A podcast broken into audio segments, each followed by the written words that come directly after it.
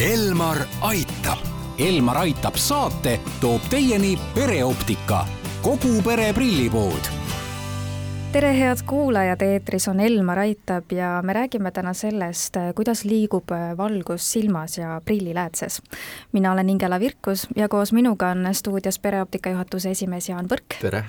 pereoptika optometrist Laura Tõnav. tere! ning Essilori prilliklaaside tootespetsialist Margo Tinno. tere! Mis seos on valgusel ja nägemisel, alustame sellest. Äh, ilma valguseta ei teki meil nägemisaistingut. see tähendab seda, et kui me tahame näha, siis on vaja valgust. Äh, valgusallikad on näiteks päike, lambid ja ka erinevad nutiseadmed, millelt meil valgus eraldub. kuidas siis valgus silmades täpsemalt äh, toimib, et mis silmas sel hetkel toimub, kui valgus on silmadeni nii-öelda siis jõudnud?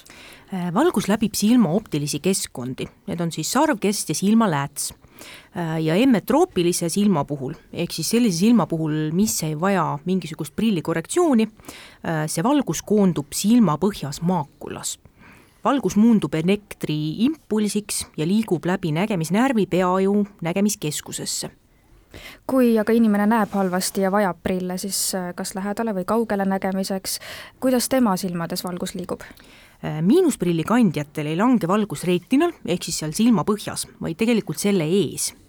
Äh, ja inimesel on vaja siis kasutada miinusprilli, see miinusprilli lääts hajutab valgust.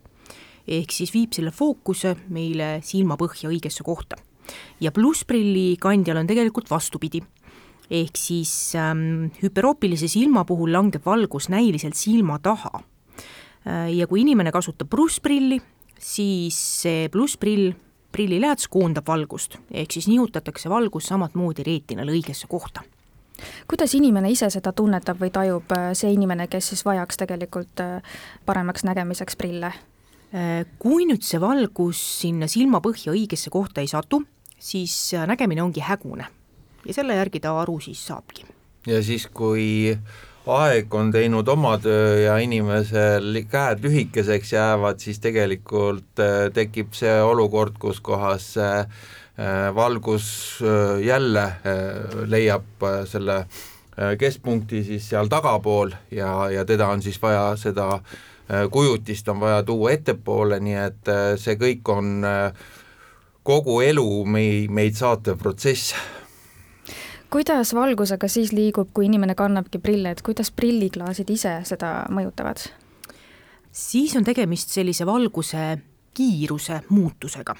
et õhemast läbipaistvast keskkonnast tihedamasse keskkonna liikudes muutub valguse kiirus äh, valgus liigub aeglasemalt ja selle tulemusena tegelikult valgus ka murdub, ehk siis muudab oma suunda, kuhu ta liigub kui valguskiired liiguvad õhust läbi prilliläätse, siis see valgus muudabki enda suunda ja seda vastavalt siis sellele prilliretseptile, mis inimesel on.